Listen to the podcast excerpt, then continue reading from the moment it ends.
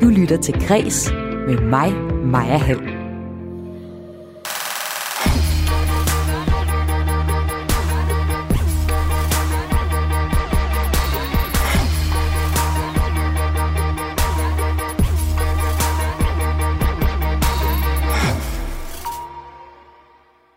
Det er racisme og rammer de forkerte personer, når den danske kulturminister opfordrer til at aflyse alle russiske samarbejder. Sådan lyder det fra en europæisk kulturarrangør. Kulturinstitutioner landet over har aflyst forestillinger, men efter aflysningerne er der i nogle tilfælde kommet frem, at de aflyste kunstnere er kritiske over for Rusland. Så hvor går grænsen for, hvad der skal aflyses? Det taler jeg med kulturordfører for Socialdemokratiet, Kasper Sandkær om. Først her i dit daglige kulturprogram Kreds her på Radio 4. Heksefiguren udspringer af en stærk, selvstændig kvinderolle, og måske er det derfor, der i dag er så stor interesse for hekse og heksekunst. Senere i programmet, der får jeg besøg af en forfatter og en heks, som rent faktisk er i stand til at kaste en forbandelse over andre, og jeg får også besøg af en historiker. De mener begge, at der i høj grad er relevant at læse om hekse og heksekunst her i 2022. I dagens udsendelse tager vi også en debat om, at regeringen har fremsat et lovforslag om at ændre i museumsloven. For ifølge en kritiker, så handler lovforslaget i virkeligheden om at lave en særlov, der skal presse et byggeprojekt ved den historiske Nyborg Slot igennem, på trods af, at projektet igen og igen møder modstand. Jeg hedder Maja Hall. Velkommen til Kres.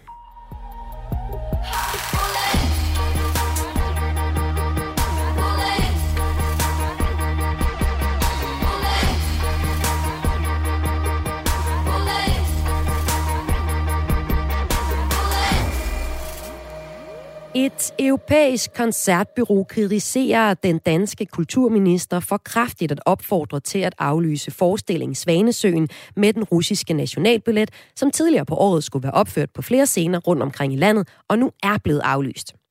Altså, den hedder godt nok den russiske nationalballet, men det er ikke kun russere, der danser i balletten. Der er også 12 ukrainer, og den er jo et ikke statsejet. Arrangøren bag forestillingen i Europa, Ulrik Gerhardt, har fra Highlight Concert, er derfor chokeret og var chokeret, da forestillingerne i Danmark i sidste uge blev aflyst på grund af Ruslands invasion i Ukraine. I was shocked for me. This is really, sorry, stupid. It's racism for me. It, it, it, it, it beats the wrong persons. Det er dumt, det er racisme, og det rammer de forkerte mennesker, lyder det fra Ulrik Gerhardt. They were treated by the Danish people as if they are responsible for the war. But they can do nothing, and it's their life to dance. Danserne bliver behandlet af den danske regering, som om de er ansvarlige for Ruslands invasion af Ukraine. Nu her i Græs, velkommen til kulturordfører for Socialdemokratiet, Kasper Sankær. Velkommen til. Tak. Tak for det. Lad os først lige høre, hvad det præcist var, kulturminister Ane Halsbo Jørgensen sagde i sidste weekend til Ritzau. Jeg mener ikke, at Nationalballetten fra Rusland øh, bør optræde på dansk jord øh, i en situation, hvor Rusland har angrebet et frit demokratisk land og bragt krig på, på europæisk jord. Kasper Sandkjær, der er også ukrainske dansere i den russiske nationalballet. Så jeg kunne godt tænke mig at høre dig. Var det forkert af jer at opfordre til at aflyse forestillingen med den russiske nationalballet landet over? Nej, det så bare øh, helt på sin plads, og jeg synes også, det havde været øh, et meget skævt signal øh, at sende, hvis de havde øh, optrådt i Danmark. Det, det, var ikke, det var jo ikke vores beslutning øh, at aflyse, øh, men det var jo de, de, de konkrete arrangører, der havde dem øh, på programmet, men, men jeg synes, det var den helt rigtige beslutning, de træffede om at aflyse. Men det var også en kraftig opfordring, I kom med, og Ane Halsbo Jørgensen nævner konkret selv, at øh, balletten her bør man se på, om den skal aflyses. Der er 12 ukrainere med i den her ballet. Var I klar over det, da Anne Halsbo Jørgensen helt konkret nævner det, da hun opfordrer øh, kulturinstitutionerne til at se på deres programmer? Altså, jeg kan jo ikke svare på, hvad øh, kulturministeren vidste. Jeg kan jo bare øh, sige, uanset om der er ukrainere med i balletten, synes jeg, det var den helt rigtige øh, beslutning at, øh, at aflyse det. Jeg synes, det havde været forkert, at de øh, skulle optræde i Danmark, mens at Rusland er i gang med en ulovlig og uhyrlig øh, invasion af et frit og selvstændigt land. Kasper Senkær. Øh, lige så vel som, at jeg heller ikke synes, at øh, CSKA Moskva skulle spille øh, mm. fodbold mm. i øh, Europa, øh, mens at Rusland er i gang med en øh, invasion af Ukraine. Men Kasper Senkær, jeg kunne godt tænke mig lige at høre lige præcis på den russiske nationalballet, hvor der altså er et 12 ukrainske dansere. Hvorfor er det en god idé, at øh, den her forestilling den blev aflyst landet over, når man også rammer ukrainere? Jamen, det handler ikke om at ramme øh, Ukraine. Det her det handler jo om, at øh, Rusland har øh, ulovligt invaderet et frit og selvstændigt land, og der er vi nødt til at sende det allerklareste signal alle sammen om, at det er fuldstændig uacceptabelt, og at vi ikke vil leve i en verden, hvor det bare er den stærkeste magt at overfalde øh, et, et, et land, som, som, man nu, øh, som man nu synes. Øh, og der har, vi jo brug, der har vi jo brug for at spille på alle tangenter. Økonomiske sanktioner, afbrydelse af handel, afbrydelse af samarbejde, men selvfølgelig også øh, kulturudveksling og andet. Vi har jo brug for, at Rusland mærker, at hvis de fortsætter den ulovlige invasion af øh, Ukraine, så vil det få rigtig store konsekvenser for dem, og de vil stå isoleret øh, tilbage i verden. Men det her, det rammer jo også andre end øh, russere. Ulrik Gerhardt, som vi hørte her først øh, i indledningen, han siger, at øh, det her det er dumt, det er racisme, og det rammer de forkerte mennesker. Hvad er din reaktion på det, Kasper Sandkær? Ja, altså vi er jo nødt til lige at være skarpe på, hvad, hvad er det, der udløser det her? Altså det, der udløser det her, det er Ruslands øh, ulovlige invasion af øh, Ukraine. Øh, og der er det jo så, at vi går ind på en lang palette af, af områder, hvor at, øh, at, at Danmark og Rusland er, er, er affilieret både handelsmæssigt og økonomisk, men også øh, kulturelt, og siger, at der, det er vi jo nødt til at afbryde. Øh, Øh, Øh, for at sende det meget klare signal til Rusland. Og det er da klart, når man gør det på den måde, det gælder jo også for de økonomiske sanktioner, så vil det jo også have omkostninger øh, for andre inden øh, Rusland. Altså de omfattende økonomiske sanktioner, som nu er indført med Rusland, får jo også massiv påvirkning af danske virksomheder, og dermed jo også potentielt af danske lønmodtagere. Men det her, det er jo dansere, som vi taler om. Altså danskerne, de bliver behandlet af den danske regering, som om de var ansvarlige for Ruslands invasion af Ukraine, Er det Ulrik Gerhardt siger her. Har han ikke en pointe i det? Nej, det, det, det kan jeg faktisk ikke rigtig se. Altså, jeg synes, det er at, at skyde øh, det, det forkerte sted hen, hvis jeg skal være helt ærligt. Altså, hvis man øh, Øh, er, er utilfreds med aflysningen og mener, at det var forkert, så er det jo arrangøren, øh, der har truffet den øh, beslutning. Men jeg synes egentlig, det rigtige sted at rette sin vrede hen, det er mod øh, Rusland og den ulovlige invasion af øh, et frit og selvstændigt land i Europa. Og Kasper Sankær, der er nemlig rigtig mange kulturinstitutioner, som øh, siden Ane Halsbo Jørgensen, altså kulturministeren, var ude og opfordre kraftigt til, at institutionerne, kulturinstitutionerne kiggede deres programmer, hvis de havde russiske samarbejder, så aflyste dem. Øh, kulturinstitutioner landet over har næsten konsekvent aflyst forestillinger, der har forbindelse til Rusland. Der er en del eksempler, men jeg vil gerne fremhæve tre særligt interessante eksempler over for dig. Aalborg Teater har aflyst teaterstykket Ivanov, der er skrevet af russiske Anton Tjekov, som døde for over 100 år siden. På Vendsyssel Teater, der har de så valgt at opføre stykket Onkel Vanja af selvsamme Tjekov med symfoniorkestret Copenhagen Phil. Så altså to forskellige reaktioner på det her. Og øh, ved Vendsyssel Teater, der har man så også øh, fravalgt russiske solister og dirigenter, men beholdt værker af russiske komponister som Stravinsky og Shostakovich på programmet. Så er der forududstillingen på Charlottenborg i København, der har man fjernet et videoværk af den øh, russiske kunstner Sergej Prokofjev, på trods af, at Prokofjev er kritisk over for Putins regime, og at værket selv er systemkritisk. Teaterinstruktør Martin Lyngbo er ulykkelig over, at vi i Danmark er i gang med at boykotte alt russisk. Han mener, at vi bør spørge os selv, om vi ikke skal og kan skille Putin fra de russiske kunstnere. Putins narrativ om, at øh, Rusland er alene, og alle hader Rusland, og alle hader alt russisk. Så derfor så er de nødt til at kæmpe en overlevelseskrig. Øh, det, er jo, det, det er hans fortælling. Den skal vi jo ikke hjælpe ham med at fortælle. Det er at underbygge den og vise, at det er sandt, for det er jo ikke sandt. Kasper Sankjær, hvad er din reaktion på den her kommentar fra Martin Lyngbo?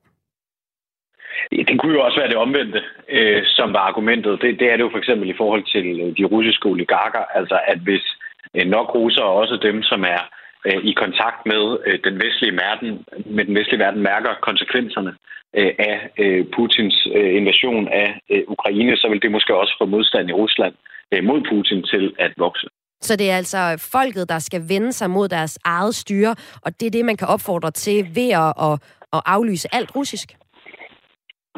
Ja, det er da en del af det, og det er vel efterhånden er det vel det, der virker som den eneste vej ud af øh, et Europa på vej i, øh, i krig, det er jo, at øh, russerne afsætter øh, Putin og, og sætter en mere fornuftig mand ind, fordi øh, det virker jo ikke som om, at han øh, har tænkt sig at, øh, at, at trække sig tilbage fra, fra, fra den ulovlige krig, han har indledt, jo næsten uanset hvad øh, omkostningerne bliver. Så hvis vi nu lige tager de her eksempler, altså øh, der er teaterstykkerne Ivanov og øh, Onkel Vanya, som er skrevet af ham her, Anton Tjekov, som døde for over 100 år siden. Bør man aflyse sådan et stykke? Vi har jo set to forskellige udfald her. Det, det ved jeg ikke. Jeg kender ikke stykket, og jeg ved ikke, hvem der øh, sætter det op. Men hvis du øh, siger, derfor, at alt sagt, russisk nej, nej, skal nu, nu skal aflyses... Det, det, nej, det siger jeg ikke, og det har vi aldrig på noget tidspunkt sagt. Vi har instrueret de statslige institutioner, mm. de statslige kulturinstitutioner i Danmark om at afbryde samarbejde med russiske statslige kulturinstitutioner. Og så har vi sagt helt bredt ud til alle arrangører, at vi synes, det er en god idé, at mm. man overvejer, hvad er det, vi har på programmet, og hvad vil man gerne lægge navn til. Og det er man jo nødt til at lave en konkret vurdering af med den enkelte øh, kunstner, den enkelte øh, aktør. Øh, hvem er det? Øh, hvad øh, står de for? Øh, og så videre. Det, det kan vi jo umuligt øh, blande os i fra, fra forestilling til forestilling. Men, men det er jo bare en opfordring til, at man overvejer, hvad er det, man lægger navn til? På hvilken side af øh, historien placerer man sig selv som øh, kulturinstitution i Danmark? Men Kasper Sand, kan jeg prøve bare at finde ud af, hvor russisk noget skal være, før at øh, kulturinstitutionerne skal boykotte øh, øh, det? Fordi så vidt jeg kan læse på de reaktioner, der er kommet efter, at Ane Halsbo Jørgensen har opfordret til, at kulturinstitutionerne kigger i deres programmer og ser, om de har russiske samarbejder, ja, så har det været et enormt svært arbejde øh, for dem. Så hvad, altså, hvor, hvor russisk skal noget være, før at øh, der skal boykottes? Men, men det er jo et helt skævt spørgsmål, fordi det forudsætter jo, at det er noget, vi skal bestemme. Og, og det er det jo ikke. Altså, dansk kulturliv er øh, selvstændige institutioner. Kunne vi aldrig finde på at blande os i, hvad de sætter op. Vi har bare sagt, at vi synes, man skal overveje, hvad er det, man har på programmet, og dermed jo også givet en opbakning til, at hvis man har nogen, der er den ene eller den anden måde associeret med styret i Rusland, at så kan man aflyse det, og det har man vores fulde opbakning til, ligesom danske virksomheder, der afbryder øh, produktion eller handel med Rusland, uden at det er omfattet af sanktioner, også har vores fulde opbakning til det. Fordi vi har brug for, at alle, at alle dem, der overhovedet kan og vil, stiller sig på den rigtige side, er med til at øh, isolere og lægge pres på Rusland. Så institutionerne skal selv finde ud af for eksempel artistens tilhørsforhold og tage en beslutning ud fra det? Ja. Er det ikke ekstremt skrøbeligt for de enkelte kulturinstitutioner, at ansvaret bliver lagt over hos dem, Kasper Sandkær? Nej, de er selvstændige kulturinstitutioner. De er bærere af danske værdier. Det ville da være fuldstændig vanvittigt, hvis vi begyndte at blande os i, hvad de sætter op eller ikke sætter op af teater, musik og andet. Altså, det er jo hele pointen i at have et selvstændigt og ikke et statsligt eller et offentligt styret øh, kulturliv. I dagens Berlingske, der er det kommet frem, at Kulturministeriet lagde meget hårdt pres på øh, kan man sige, Aarhus Kommune og Aarhus Musikhus, der også havde den her ballet, som jeg indledte det her indslag med, altså den russiske nationalballet, der skal opføre Svanesøen flere steder i landet, men blandt andet også i øh, Aarhus Musikhus. Af et øh, telefonnotat, som Berlingske har, så fremgår det, at øh, direktøren for Kultur- og Borgerservice, Charlotte Storm Gregersen, i en samtale med Kulturministeriets departementchef, har haft en diskussion om, hvorvidt lovgrundlaget overhovedet var til stede for at aflyse debatten. Øh, I øh, det her notat, øh, som jeg citerer nu fra Berlingske, så står der, jeg oplyste, og det er altså øh, direktøren for øh, Kultur- og Borgerservice i Aarhus Kommune. Jeg oplyste, at vi har vurderet, at der ikke var hjemmel til at træffe beslutninger om at aflyse forestillinger på grund af udenrigspolitiske forhold, ligesom jeg er opmærksom på, om der kan opfattes som censur, hvis vi som kommune skal ind og træffe afgørelse i forhold til, om kunstnere kan optræde eller, al, eller ej, står der. Alligevel så ender forestillingen med at blive aflyst, og man øh, siger blandt andet, at det er på grund af den øh, presseopmærksomhed, der har været omkring lige præcis den her sag. Burde I som regeringsparti, Kasper Sankær, ikke have truffet den her beslutning på vegne af arrangørerne, når det nu er så ekstraordinær en beslutning øh, at, at tage det her, og I har lagt så kraftig en opfordring øh, på øh, de forskellige institutioner? Altså det, du jo i virkeligheden spørger mig om, det er, om vi ikke burde fra politisk side bestemme, øh, hvilke øh, teaterstykker, musikkunstnere, øh, øh, udstillinger og andet, der, der, der skal finde sted i Danmark. Det må jeg bare sige meget klart øh, nej til. Men det lyder jo næsten som om, at det er det, I har gjort i den konkrete sag. Nej, det har vi ikke. Vi har sendt en opfordring ud til dansk kulturliv. Overvej, hvad I har på programmet. Jeg spørger jer selv, om det er noget med den øh, nuværende situation med en ulovlig krig i Europa taget mente, om det er noget, I vil øh, lægge navn til. Men det lyder jo i den her konkrete sag som om, at I har øh, lagt ikke bare et pres, men jo faktisk også været i dialog med øh, Musikhuset i forbindelse med at få aflyst den her øh, forestilling. Altså, vi har sagt, hvad øh, vi mente, også om den øh, konkrete forestilling, og, og så er det jo op til arrangørerne at tage bestik af det. Det er jo ikke sådan, at fordi man gør noget som kulturinstitution i Danmark, som kulturministeren eller Socialdemokratiet er uenige i, at det så får nogen øh, konsekvens, eller der er sanktioner over for det, eller noget som helst. Det, det står man jo i egen ret øh, som øh, arrangør og kulturinstitution i Danmark til at træffe den beslutning. Og øh, Kasper Sankær, kulturordfører for Socialdemokraterne. Tak fordi du var med på den her historie. Selv tak. Kasper Sankær bliver hængende, fordi om et øjeblik skal vi have en debat om den nye museumslov. Men altså her var det Kasper Sankær med på historien om, at flere af de forestillinger, der er blevet aflyst på grund af Ruslands invasion i Ukraine, er med kunstnere, der i nogle tilfælde er kritiske over for det russiske styre. Om lidt her i Kreds, som du lytter til lige nu på Radio 4, det er de daglige kulturprogram, men der skal det handle om hekse. Og det skal det i anledning af en ny bog om emnet af Sanne Gottlieb. I øh, kulturen er hekseforfølgelserne blevet udødeliggjort som en historie om, at hekse var stærke kvinder, der udfordrede mændenes magt. Men det var ikke altid sådan, det var, og det var ikke altid det, det handlede om. Så lyder det fra historiker Maria Østerby Elleby, der er kritisk over for Gottliebs udlægning af historien. Og jeg har de to med i kreds senere i udsendelsen. Men først skal det handle om forslaget om, at regeringen har fremsat et forslag om at ændre i museumsloven, hvor der ifølge kritikere så bliver tale om en særlov, der skal presses, presse et byggeprojekt med øh, det historiske Nyborg Slot igennem, på trods af, at projektet igen og igen møder modstand. Du lytter til Græs med mig, Maja Hall.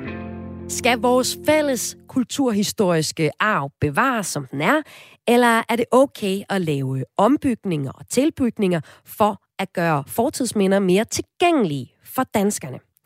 Det er sådan uh, lidt groft sagt kernen i en diskussion, der er taget mere og mere fart, der har taget mere og mere fart de seneste år.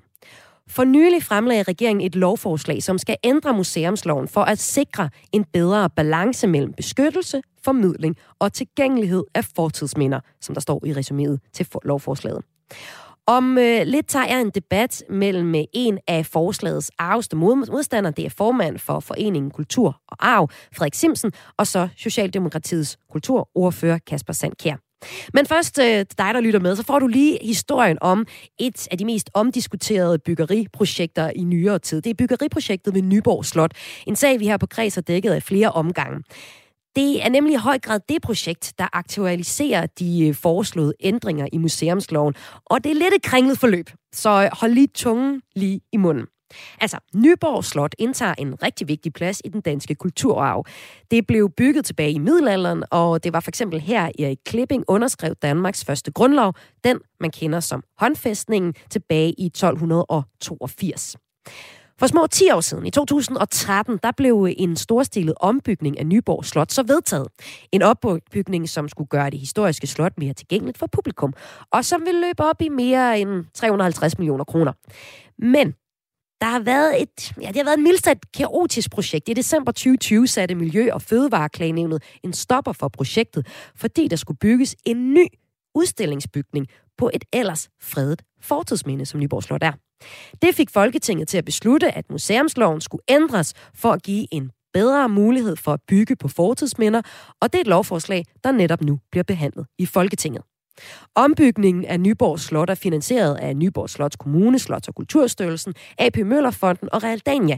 Men i kølvandet på et ret kaotisk og langtrukket forløb, der trak AP Møllerfonden sig for en måneds tid siden fra projektet og efterlod et hul i budgettet på 60 millioner kroner. Og nu her i Kreds kan jeg sige øh, velkommen til Frederik Simsen, formand i Foreningen Kultur og Arv. Velkommen til, Frederik. Velkommen til Frederik Simsen. Du skal lige tænde din mikrofon, så kan jeg nemlig høre, hvad du siger. Og i mellemtiden kan jeg sige, at Frederik Simsen er formand i Foreningen Kultur og Arv, og de er en, i høj grad kritisk over for det igangværende Nyborg Slot-projekt og øh, over for forslaget her om at ændre museumsloven. Frederik Simsen, jeg kan høre, du er med nu. Du har tidligere her i kreds blandt andet ja, kaldt øh, restaureringen af Nyborg Slot for ren tivolisering. I Kulturarv mener I, at lovforslaget ligner en særlov, der er lavet for at køre Nyborg Slot-projektet i mål, og det er I ret betænkelige ved. Prøv lige at uddybe, hvorfor er I det, Frederik Simsen? Altså, vi er jo betænkelige ved, at man i det her tilfælde har iværksat en af de mest øh, indgribende ændringer af et af vores mest vigtige fortidsminder. Det vil sige faktisk et af de mest ødelæggende indgreb i den danske kulturarv nogensinde. Og det er noget, som staten har iværksat, og staten har fra starten vidst, at projektet var ulovligt. Det kunne ikke gennemføres uden meget omfattende dispensationer. Man har sagsbehandlet sig selv, og så har man sagt, at det var i orden, man sagsbehandlede sig selv, fordi der jo netop var fastsat en bred klageadgang ifølge loven, og at klagenævnet ville give sagen en særlig intensiv grænskning, hvis der skulle komme klager. Så det, man har, det har man legitimeret hele øh, forløbet med. Nu er der så kommet klager, og klagerne har vendt tommelfingeren nedad på statens projekt og sagt, at det fortsat er ulovligt, det ikke må gennemføres. Og så i stedet for at tænke i en plan B, eller gøre noget andet, for der findes mange nænsomme alternativer til det her projekt, så begynder politikerne at tænke i selvgivning. Det synes vi er problematisk. Men man kan jo også sige, at det her lovforslag, altså hvis man kigger på det i dets rene form, så handler det om, at man fra politisk side gerne vil gøre vores øh, fælles kulturhistoriske arv mere let tilgængelig for danskere, altså ved for eksempel nogle mm. om- og tilbygninger. Hvad er der egentlig i vejen med den ambition, Frederik Simsen? Der er ikke noget i vejen med ambitionen om at øh, øge mulighederne for formidling af vores, øh, vores historie og vores fortidsarv. Det går vi meget ind for. Men vi mener, at det må være rimeligt, at man sætter som en væsentlig præmis, at hvis man kan formidle noget på en øh, nænsommere måde, man har to muligheder, hvor den ene er meget voldsom, og den anden er nænsom, så vælger man den nænsomme. Kasper Sandkær, nu har jeg også dig stadig med på en øh, telefon her i kreds, altså kulturordfører for Socialdemokratiet. Lovforslaget her kommer efter, at byggeprojektet ved Nyborg Slot er blevet underkendt ved Miljø- og Fødevareklagenævnet. Så det vi egentlig hører Frederik Simsen øh, sige her, det er jo godt til mig at forholde dig til. Handler det her lovforslag om, at regeringen vil presse Nyborg Slot-projektet igennem for enhver pris? Nej, altså vi vil gerne øh, videre med øh, Nyborg Slot-projektet. Øh, øh, ingen, ingen tvivl om det. det. Øh, jeg synes grundlæggende, det er et, et godt projekt, som kan være med til at formidle en, en, en vigtig del af vores historie og kulturarv øh, bedre til, øh, til danskerne. Men, men det er klart, at, at hvis det bare var det, det handlede om, så kunne vi jo have gjort det på andre måder. Når vi har fremsat et nyt øh, et, et forslag til en ny, eller til nogle ændringer i museumsloven, så er det jo også fordi, vi, vi, vi, vi ser i virkeligheden, og det, noget af den diskussion er jo, er jo udledt af diskussionen om Nyborg Slot og hele den sag. Der har også været andre øh, tilfælde rundt omkring i Danmark, som jo har rejst diskussionen om museumsloven i dag er for øh, restriktiv øh, i forhold til at finde de rigtige balancer mellem beskyttelse af vores fortidsminder på den ene side, men jo også muligheden for at formidle og gøre dem tilgængelige for danskerne på den anden side. Og derfor har vi jo besluttet at lave eller fremsat et lovforslag med bred opbakning i Folketinget, som, som laver nogle mindre ændringer for at, at ramme den øh, balance bedre. Det er jo sådan en mere generelt øh, ønske og betragtning, og handler ikke øh, isoleret set om Nyborg Slot.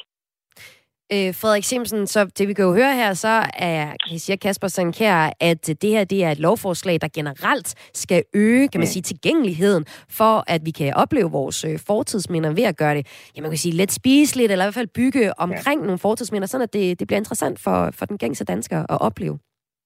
Ja, øh, og det tror jeg sådan set, øh, øh at kulturordføreren har ret i. Men omstændigheden for det her lovforslag er bare den, at kulturministeren, efter at kulturministerens projekt på Nyborg Slot var blevet stanset, udbad sig en arbejdsgruppe, som skulle kigge på tre ting. De skulle kigge på en ændring af fredningslovene, de skulle kigge på en ændring af det klagenævn, som man synes havde truffet en forkert beslutning, og så skulle de kigge på klageadgangen for organisationer i Danmark.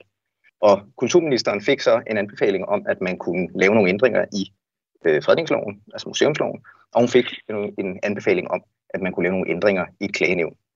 Klageadgangen blev der ikke ændret ved. Men da kulturministeren gik ud og præsenterede det her lovforslag, øh, der nævnte hun i sin pressemeddelelse Nyborg Slot afskillige gange. Så vi kan ikke tage det anderledes. Øh, det er simpelthen umuligt at opfatte det anderledes end øh, som et øh, forslag, der primært har til hensyn at, øh, at fremme øh, det stansede projekt på Nyborg Slot. Hvilket vi synes er problematisk, fordi der findes alternative løsninger, og det er som om, at, øh, at, øh, at regeringen, og jeg må også gå ud fra, at kulturordføreren jo, som repræsenterer Socialdemokratiet, taler på regeringens vegne, det er som om, at regeringen ikke vil øh, respektere de statsligt nedsatte domstolslignende ankenævn. Kasper Sankjær, det er jo egentlig hører Frederik Simsen sige, det er, at det er ekstremt påfaldende, at øh, museumsloven lige præcis vil, med god sandsynlighed, hvis den bliver stemt igennem, altså vil øh, være til fordel for lige præcis det her Nyborg Slot-projekt, som der har været et langt forløb øh, forud for, og rigtig mange kritikere, jo blandt andet Frederik Simsen, der står bag. Så kan du forstå den kritik, som Frederik Simsen kommer med her, Kasper Sankjær?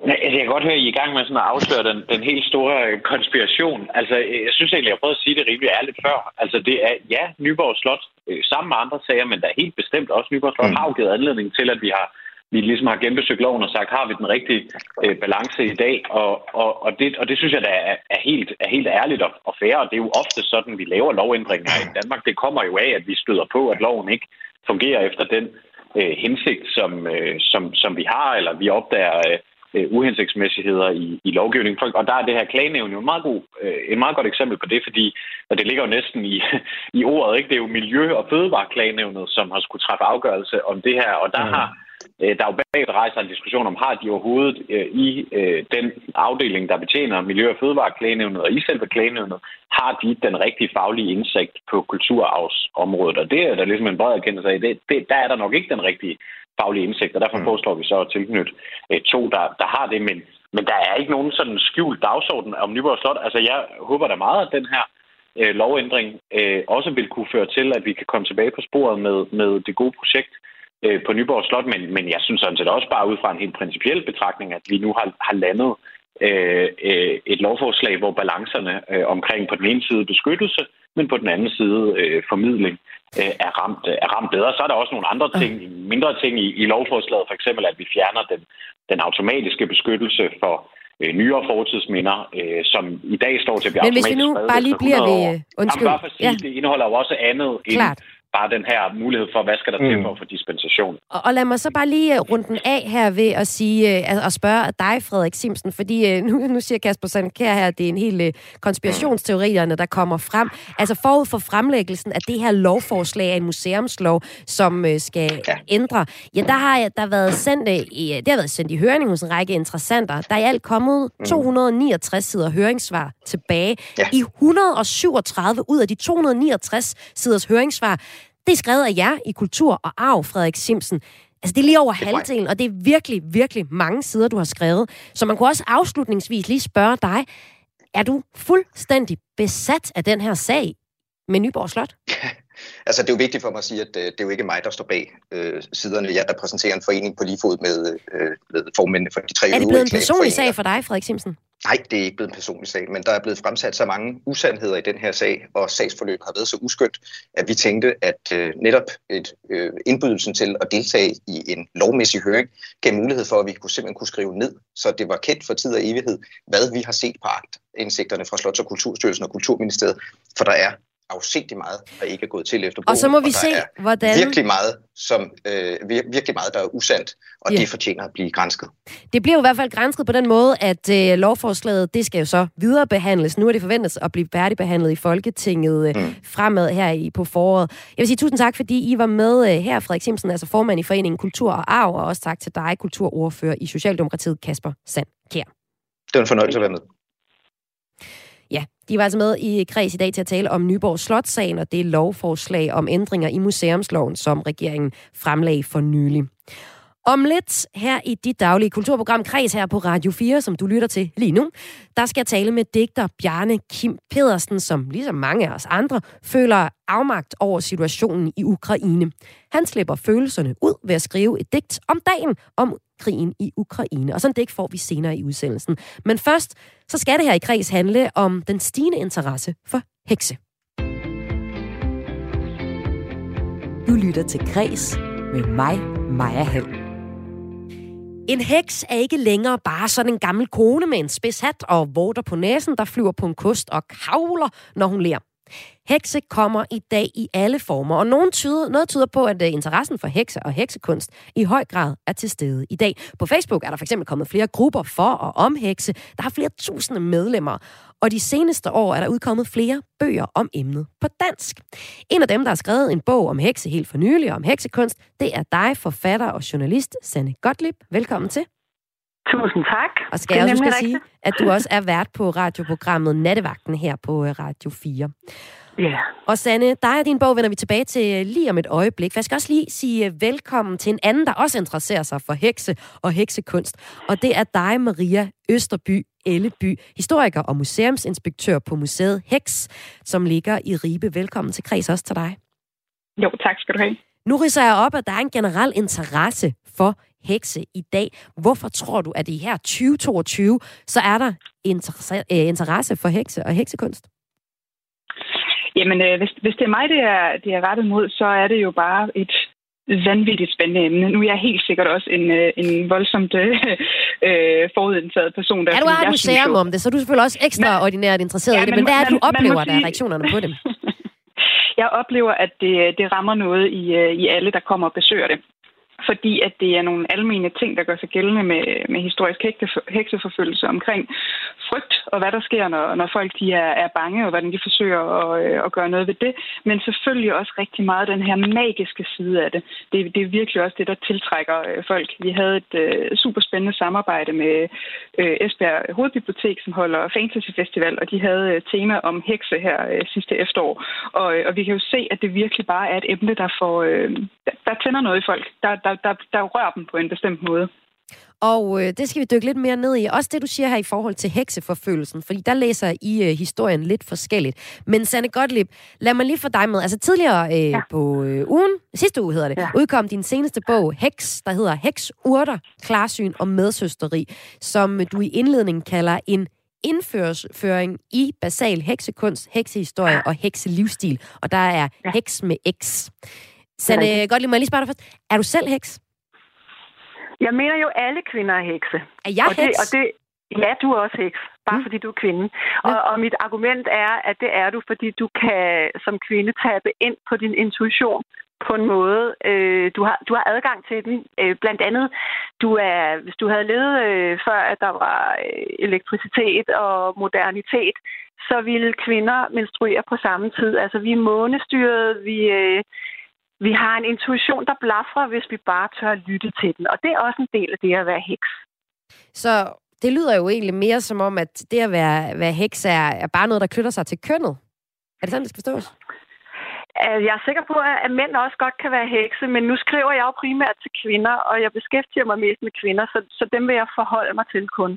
Jeg er altså, ikke mand. Nu siger du så, at, at jeg også er heks i det, at jeg er kvinde. Men ja. øh, noget, jeg ikke kan, som øh, du skriver i din bog, at du kan.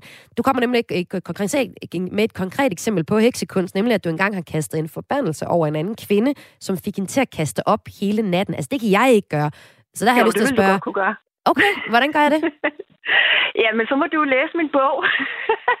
jeg kan jo ikke give alle guldkornene nu, men jeg vil bare sige, at hver kan jo kaste en forbandelse. Det vil en mand også kunne. Jo, det er klart. Det er jeg kan godt tænke grimme tanker om nogen og beslutte mig for at, at sende dårlig karma, men ja, at, det, ja. at det reelt set har en betydning for dem, det mener du?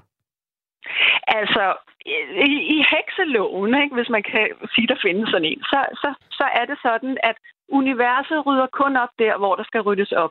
Men det at kaste en forbandelse, det handler jo ikke om, at man vil skade nogen. Det er jo den sidste ting, man kan ty til, og derfor i min bog lægger jeg rigtig, rigtig mange stopklodser ud og siger, har du nu, er du nu helt afklaret? Har du forsøgt alt? Har du ragt ud? Men hvis man så kan se, nu, nu må jeg ligesom sætte et punktum, så kan man kaste et forbandelse. Men igen, det handler ikke om at skade. Det er nogle energier, der skal vendes. Men igen, hvis, hvis vedkommende får det dårligt eller kaster op, så er det jo ude af ens egne hænder. Så er det jo ligesom, det er en naturlov, at der bliver ryddet op så. Ja, eller tilfældigheder, kunne, kunne man jo også sige, det var. Ja, det er der jo måske nogen, der vil sige. kan du så ikke lige prøve at komme med et konkret eksempel på, hvordan at øh, man kan lave, hvad kan man sige, man kan lave et godt magisk ritual, der har, sender en god energi afsted? Jamen, det kunne man jo gøre øh, med nogle selvbeskyttelsesritualer, og det er jo ikke så... Altså, det, som jeg skriver i min bog, det er, jeg giver også indføring i magi og praktiske værktøjer, og det er jo ikke anderledes, end hvis man går til en kognitiv psykolog og får nogle værktøjer.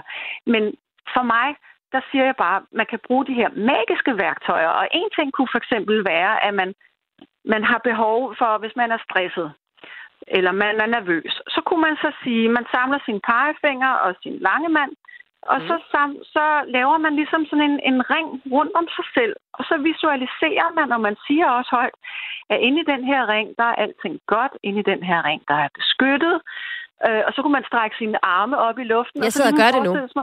Ja, og så kan, du, så kan du sætte dine arme op i luften og forestille dig, at du ligesom laver sådan en tunnel op til, til himlen, til universet, og det er ligesom dit space. Der er du passet på inde i det her space så har du allerede lavet en, en grænse til omverdenen, og så kan du visualisere, i det her space, der har du det godt. Så selvom du har ydre problemer, så, så, så er du forankret i den ro, der er derinde. Det er en lille bitte ting. Tror du virkelig på det? Jamen, jeg ved, det virker, fordi ellers så vil kognitiv adfærdsterapi heller ikke virke. et værktøj. Men kognitiv adfærdsterapi øh, handler vel også øh, om at acceptere, at der er nogle ting, der er øh, godt, og nogle ting, der er skidt, og sådan i hele den måde, man har sit mindset på. Det her, det er vel at tro, at der er noget udefra kommende, der kan ændre mig. Eller misforstår jeg det? Altså, man kan jo altid kun ændre sit eget liv, men når man udfører magi, så udfører man det i den tro, at nu er det sådan. Mm. Og bare det, at man siger, at det er sådan, så har man ændret noget i sig selv. Og når man ændrer noget i sig selv, så går man i retning af det, man ønsker. Forstår du, hvad jeg mener? Mm. Mm. Så sætter man fokuset, altså man laver en intention, og så går man i den retning, og man bruger bare øh, små knep, altså ritualer, men det er en måde at, at ligesom tune ind på, sin, på det, man egentlig føler. Og det er også derfor, jeg skriver om intuitionen i bogen, og vi skal ud i skovene, og vi skal finde ro, fordi der er for meget støj i vores hverdag. Men, men ude i naturen, der kan du koble fra, og der kan du faktisk høre, hvad du egentlig selv føler og tænker, hvis man vil lytte efter. Og det er jo nok også en del af det, det handler om, og også øh, når der er interesse og popularitet for, øh, eller øh, hekse og heksekunst er blevet interessant, så handler det jo også om at, at se potentialet i det for en selv. Og man kan altså læse mere om det i, i din bog. Og den har du også læst, Maria Østerby, Elleby, historiker og museumsinspektør på museet Heks. Øhm, du har haft mulighed for at læse i Sanne Gottliebs bog, der kom her for en uge siden, og jeg ved, at der er nogle ting, som du som historiker er lidt uenig i, altså hvor du læser historien anderledes, og det kommer blandt andet til udlægningen af hekseforfølgelserne. Øh, hvordan det, Maria Østerby Elleby?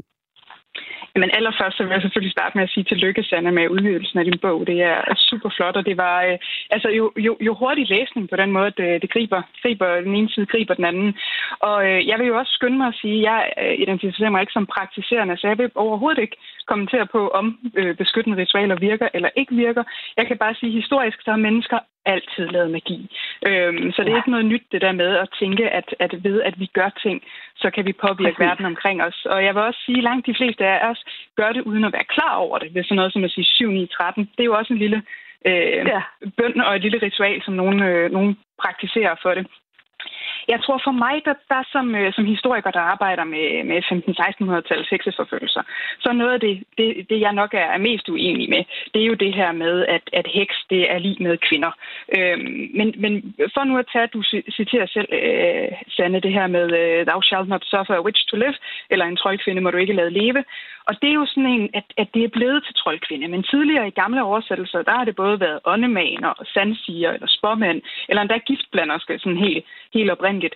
Og, øh, og, og, og jeg kigger jo også meget på, jamen, at heks oprindeligt ikke er et kønnet ord. Det, er, det kan både være mænd og kvinder, og det var både mænd og kvinder, som blev forfulgt for at være i pagt med Satan øh, i 15-1600-tallet. Det var de kilder og de retsprotokoller, som jeg har siddet og arbejdet med, der er det, det er aldrig en del af det, at det er øh, fordi, at de var øh, i særlig pagt med naturen, fordi de hjalp, øh, eller fordi, at de havde en, en seksuel lyst, der gør, at de bliver tiltalt for, øh, for trolddom. Der er det tværtimod den her frygt for, at de er, skal vi kalde det en, en øh, satanisk terrorist.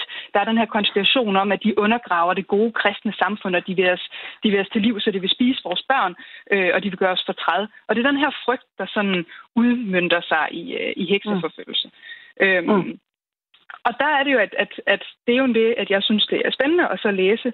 Øh, fordi jeg kan jo godt se, at du, du bruger jo også sådan noget som, øh, hvad Innocent han siger, eller med Heinrich Kramer, den grimme, grimme mand, ja. der øh, skrev Heksehammeren, øh, og ja. var bravende misogynist. Lad os ikke, lad os ikke være, være uenige der. Måske skal vi lige sige, at heksehammeren, som blev skrevet, det var en manual til, til hvordan man kunne udpege og forfølge hekse. Men, men ja. altså Kramer, han, han, Kramer, han var sådan en øh, ubehagelig inquisitor munk, som, øh, som så sig gal på øh, særlige kvinder, og skrev sig ind i en kontekst, hvor der var øh, allerede spirende trolddomsforfølgelse. Man var lige så stille gået over til, at, at det meste magi nok var lidt sådan en slippery slope øh, over til, til, til den onde magi, øh, og begyndte at Men... mistænke, at magi kom fra djævlen. Men jeg synes ikke, at man kan se bort fra, at Kramer han ordret skriver, at alle kvinder er liderlige af natur. Og man ved jo, at den blev brugt, den her heksehammerbog.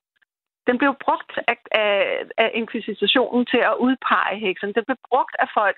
Det var jo carte blanche til, at OK, jamen kvinder er jo af natur liderlige, og de er per natur også i, i ledtog med satan. Jeg tænker også bare, at det er rigtigt, mænd blev også brændt, men størstedelen var jo kvinder. Vil du ikke give mig ret i det? Jo, jeg vil godt give dig ret i, at størstedelen var kvinder, og ja. jeg vil også på alle mulige måder give ret i, at det var et, et samfund, der var præget af kønsuligheder i høj, høj grad. Men det skal jo siges, at Kramers bog, det var en, det var en bestseller, men lidt på samme måde som meget øh, sådan lidt øh, underlødig øh, litteratur kan være det, for den var jo fuld med sex, den var fyldt med slibrige detaljer, og selvom at den var altså populært og betrykt meget, så blev den også fordømt af, af øh, paven for eksempel og kirken efterfølgende. Ja. Og der er masser af eksempler af nyere forskning, der peger på, at den er ikke, altså den er ikke helt så vigtig, som vi tror kan gå i dag, fordi den er så voldsom. Men den er mere, øh, den er mere skandaløs, end den var tonesættende øh, i sin holdning. Og, og Kramer, han var ekstrem, også for sin samtid, også for, øh, for hekseforfølg. Så, så for lige, at, noget, jeg må, må jeg lige bare lige opsummere, bare lige for lytternes ja. skyld, fordi ja. øh, der, der, lytter, der er der tændt for din radio lige nu, så lytter du til uh, Kreds, dit kulturprogram her på Radio 4, hvor vi taler om øh, hekse lige nu, og vi taler også om den historiske, øh, ja, historien omkring hekse, hvor øh, lige nu øh, så hører du øh, Maria Østerby Elleby sige, at historien om, at hekseforfølgelser gik ud på at øh, rydde op i, i stærke kvinder, og det er noget med urter, og fordi de troede mændenes magt, det er et narrativ, som er udøveligt gjort i kulturen, men den er mere kompleks historien om hekse end som så. Og Hanne, uh, Sanne Gottlieb har så skrevet en ja. bog om hekse, der blandt andet også beskæftiger sig med historien. Og her udfordrer med Østerby Elleby, altså uh, Sanne Gottliebs uh, fortolkning af, af historien. Og Sanne, bare afslutningsvis, så vil jeg gerne ja. høre din reaktion på det.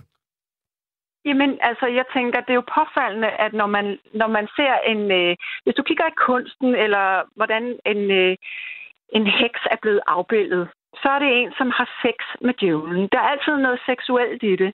Og jeg tænker, når Kramer skriver, at alle kvinder er af kødet øh, liderlige og, for, og, og i pagt med djævlen, og man, og man ved, at den her bog, den også blev brugt som en, øh, en populær manual til at udpege hekse, jamen så kan man jo ikke adskille øh, lyst og det at blive forfulgt som heks.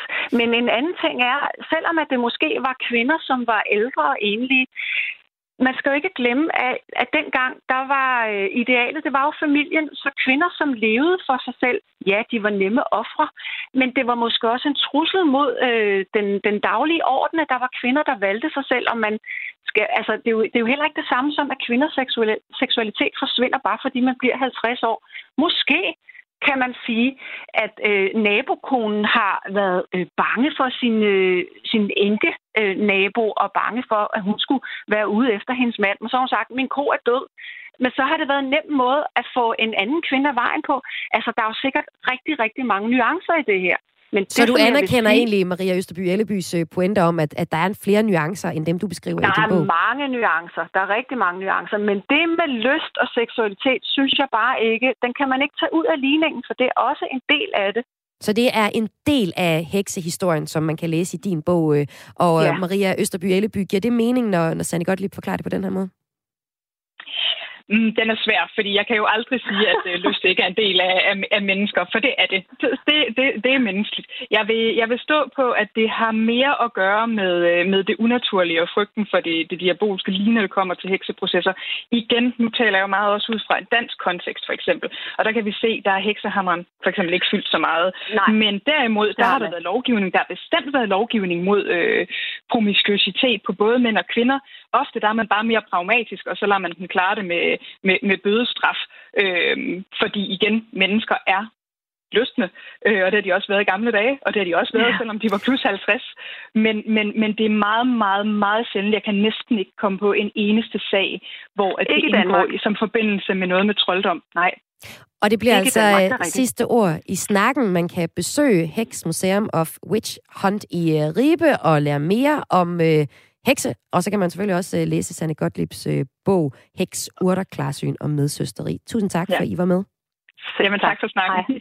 Altså ja, også historiker Maria Østerby Elleby, som vi havde med her i Græs i dag, til at gøre os klogere på den stigende interesse for hekse og heksekunst.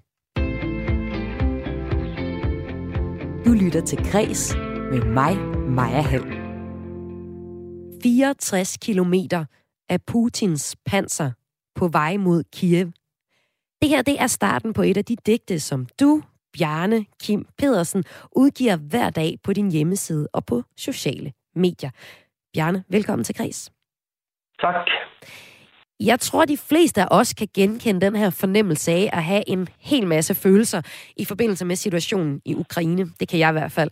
Og øh, Bjarne, du får så afløb for dine følelser gennem digte. Du udgiver nemlig hver eneste dag et nyt digt om situationen i Ukraine, og vi skal høre et af dine øh, digte senere. Men først så skal jeg lige høre lidt til dig, fordi du er en dansk digter, men alligevel så har du et helt særligt forhold til Ukraine, som starter med et venskab med øh, den ruslandskritiske forfatter Magomed Toriev, som du møder i Odense. Hvad er historien bag dit øh, kendskab til Ukraine?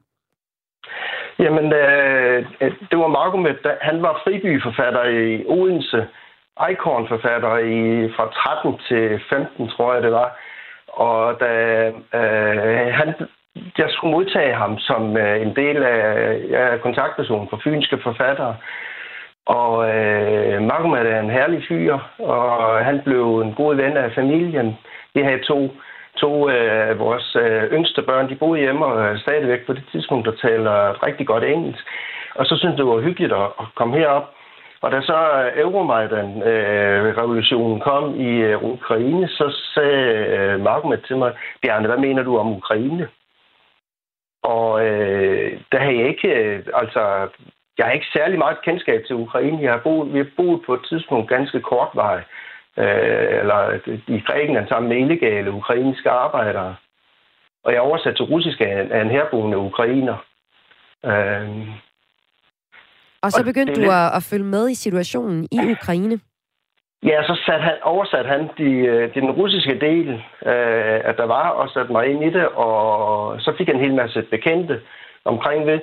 Altså øh, sociale medier. Altså dengang, der var, der var omkring ved Majdan, der var der sat en hel masse livestream-kameraer op, som man kunne sætte hjemme, og, og altså, jeg kunne sætte i Danmark og følge med i, hvad der skete dernede. Og så det var du faktisk... Så du har sådan set fulgt med i øh, situationen i Ukraine, længe før den fyldte øh, alt i det danske øh, mediebillede, som den gør lige nu, og det er selvfølgelig også på grund af den aktuelle situation, hvor Rusland har invaderet Ukraine. Og så har du også selv skrevet bogen Min Majdan-affære, og øh, Majdan henviser til et ukrainsk oprør og en række demonstrationer, der blev indledt i 2013, og demonstrationerne har først og fremmest været afholdt på, på Majdan-pladsen i Ukraines, Ukraines hovedstad hovedstad Kiev. Og de demonstrationerne kom efter, at regeringen valgte at skabe tættere relationer med Rusland, som mange i befolkningen var imod. Og på den måde så har du fulgt situationen i Ukraine fra den gang og så øh, frem til nu.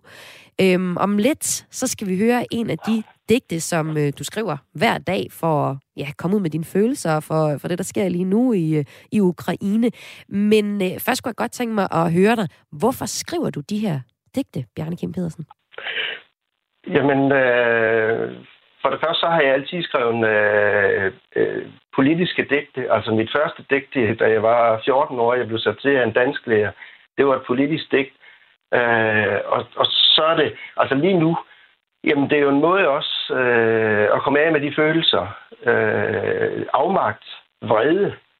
Altså, øh, når jeg ser øh, de kontakter, vi har i Ukraine, øh, jeg har lige siddet, lige før jeg kom på her, og sætter det øh, i kontakt med Taras, en af vores venner dernede, og, og han lægger Jamen, et lydbillede op, hvordan det, det, det lyder dernede. Altså, øh, når man sætter ind i Ukraine, og, og, og, og der, er det, der er det fint at kan, jeg skal sige, der kan jeg få, jeg får, jeg får noget af det ud.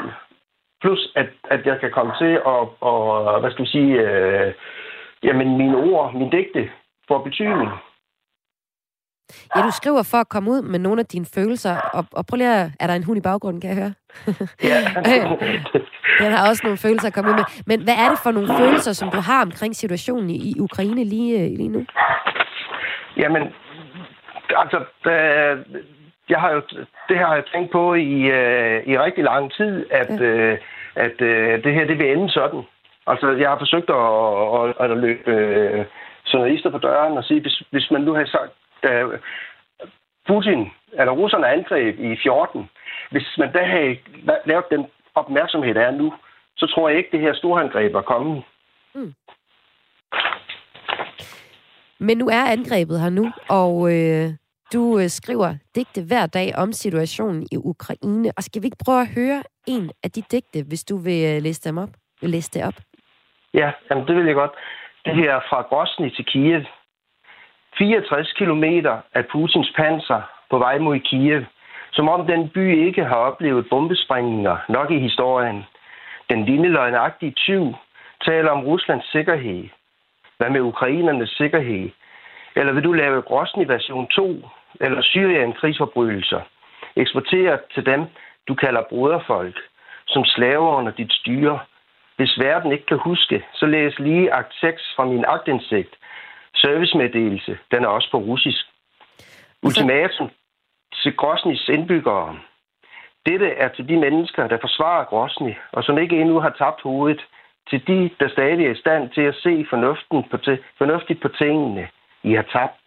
I har ikke nogen chance for at vinde. Den russiske kommando giver jer en sidste chance. En korridor til, vil forblive åben til Pavomajskaja. De, der vil forlade Grosny, vil få tilbudt tag over hovedet, klæder, medicin og vigtigst af alt, livet. De, der bliver i Grosny, vil blive betragtet som terrorister og banditter og vil blive udslettet af artilleri og fly. Der vil ikke blive nogen forhandlinger. Alle de, der ikke har forladt byen, vil blive slået ihjel. I har et valg. Nedtællingen er begyndt. Flyvebilledet er underskrevet af chefen for de russiske styrkers militærkommando. PS. Det må være et spørgsmål om tid, inden du sidder anklaget ved en krigsforbryderdomstol. Og sådan lød det her i øh, Kreds Bjarne Kim Pedersen. Et af de digte, som du skriver ellers hver dag om øh, din følelser omkring situationen i Ukraine. Et land, som du har følt tæt og også har øh, venner i. Prøv lige at fortælle lidt om det her digt. Altså, hvad er det for nogle scener, du tager fat i i digtet her? Jamen, jeg tager, jeg tager fat i, øh, i den situation, at der er en, øh, altså de der 60 kilometer øh, militærkøretøjer og øh, tanks, der er på vej til at sandsynligvis vi, øh, vi omringe Kiev og lave den samme, som de gjorde i Grossen i 2000 øh, øh til Tjeniens hovedstad, hvor de lagde en ring udenom, og så, så smadrer de simpelthen fuldstændig øh, Grossen. Og, og det der er sådan set, hvad skal man sige, at der, der er fuldstændig mærkeligt, øh, det er, at, at Marko som faktisk er oprindelig russisk militærhistoriker, han var tjetjensk, eller kæmpede på tjetjensk side i Grosny, da jeg skrev det digt for øh, over 20 år siden. Altså det er sådan, øh, hvad skal vi sige, og det, det var, det var øh, næsten rørende i sin tid, da, da Magomed kom herop, og jeg og viste ham bogen, øh, at, øh, at, at jeg har skrevet det, og hvor han sagde, at jeg lå derinde, og han overlevede så. Så det er et eksempel på øh, en situation, som jo egentlig ser udspillet igen i, øh, i den her situation. Ja, jeg, jeg er bange det, det ender der. Og, og, og Kiev er en fantastisk smuk by. Og, øh, og alle de mennesker, som, øh, som jeg kender, der er der nede stadigvæk. Øh, øh, altså, en stor del af kvinderne og børnene er, er, er øh, hvad skal vi sige, er forladt og er i Polen eller et andet sted, og mændene er er blevet tilbage øh, og har valgt os. altså det lyder som om, at de ikke må forlade det. Altså det må de heller ikke, men de ønsker heller ikke at forlade, fordi de gerne vil blive der og kæmpe. Det er jo deres land og deres fremtid. Og det er altså det, du oplever, når du taler med dine uh, russisk eller uh, ukrainske bekendtskaber lige nu, uh, Bjarne Kim Pedersen, som ja. altså også er digter. Og uh, du lægger så hver dag et, et nyt digt op. Hvor kan man læse de her digte om, uh, om situationen i Ukraine? Det kan man på, uh, jeg har en blog, det her, Bjarne Kim Pedersen, blogspot.com. Så deler jeg den også på, uh, på Facebook og på Twitter og på Instagram. Og, jeg har, Ja. ja, og øh, et af digtene kunne vi jo så også høre her i Kreds i dag. Bjarne Kim Pedersen, tusind tak, fordi du var med i programmet.